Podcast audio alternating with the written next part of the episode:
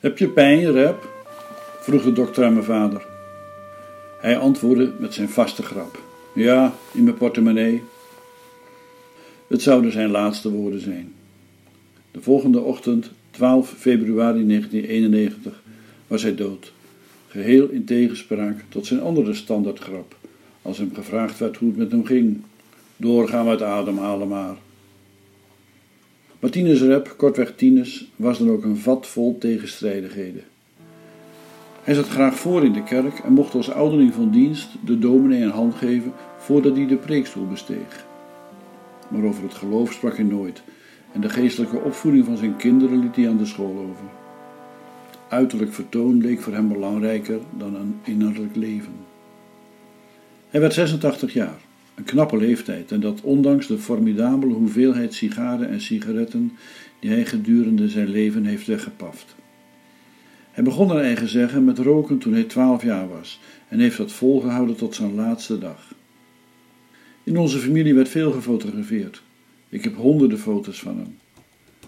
Op officiële foto's, zoals bij zijn trouwen of op de gezinsfoto die werd gemaakt in de studio van Emiel Muns aan de westzijde in Zandam, rookt hij niet. Maar zo'n beetje op alle andere houdt hij een sigaar of sigaret in de hand. Toch bleef hij heel zijn leven beducht om aan kanker te sterven. De ziekte die hij niet met een naam durfde noemen, maar angstvallig met K aanduidde. Ondertussen hield hij, de sigarenwinkelier, mij voor hoe slecht roken was.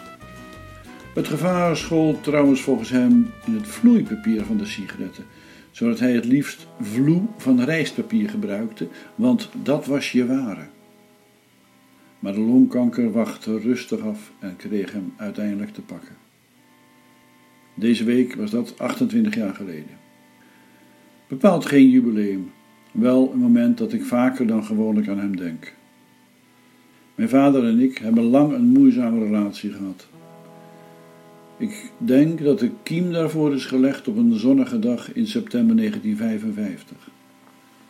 Dominee Warnink, de predikant van onze Zuiderkerk aan de Dirk de Kortestraat, kwam mij uit de klas halen.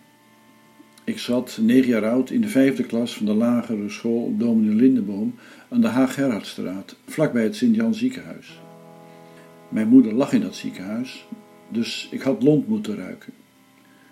Zeker toen de dominee de dramatische woorden sprak: Ik weet niet of je je moeder ooit zult terugzien. Een zin die ik alleen kende uit de christelijke kinderboeken van W.G. van der Hulst.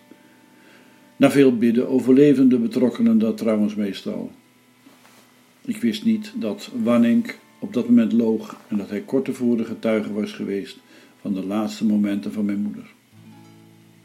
De klus om mij het slechte nieuws te vertellen liet hij over aan mijn vader.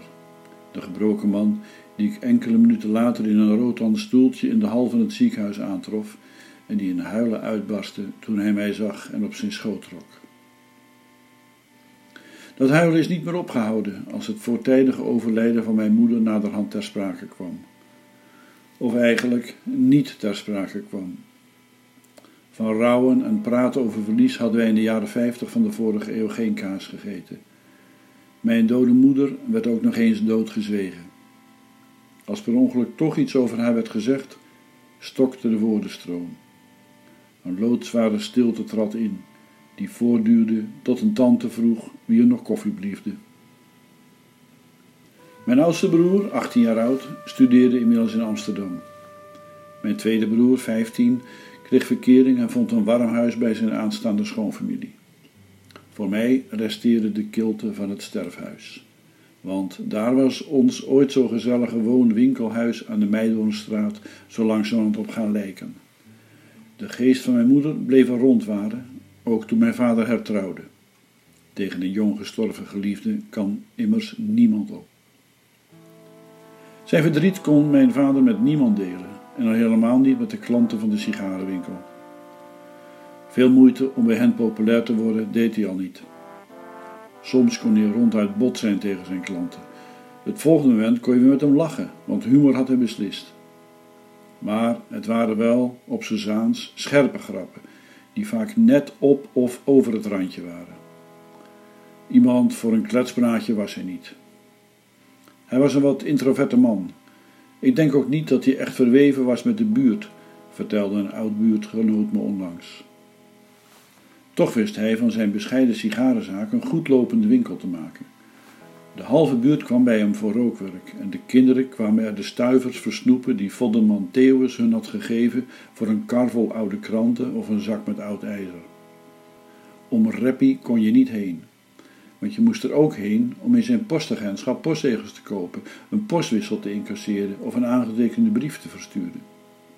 Iedereen kende Reppie.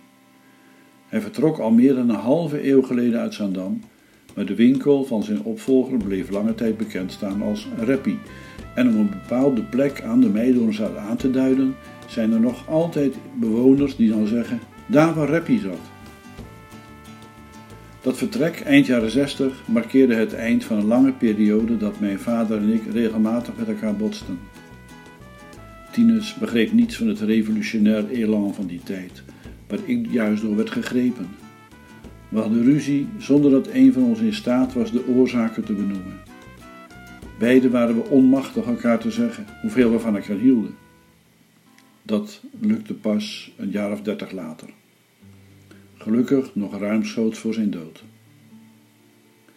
Mijn broer Jelte schreef afgelopen jaar een prachtig boekje over onze vader, een privé-uitgave, op zoek naar mijn vader.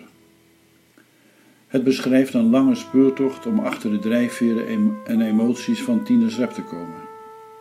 Hij is al net zo kritisch als ik over hem, maar besluit met woorden die ik van harte onderschrijf: dat ik u, ondanks uw tekortkomingen en mankementen, nog steeds van harte lief heb.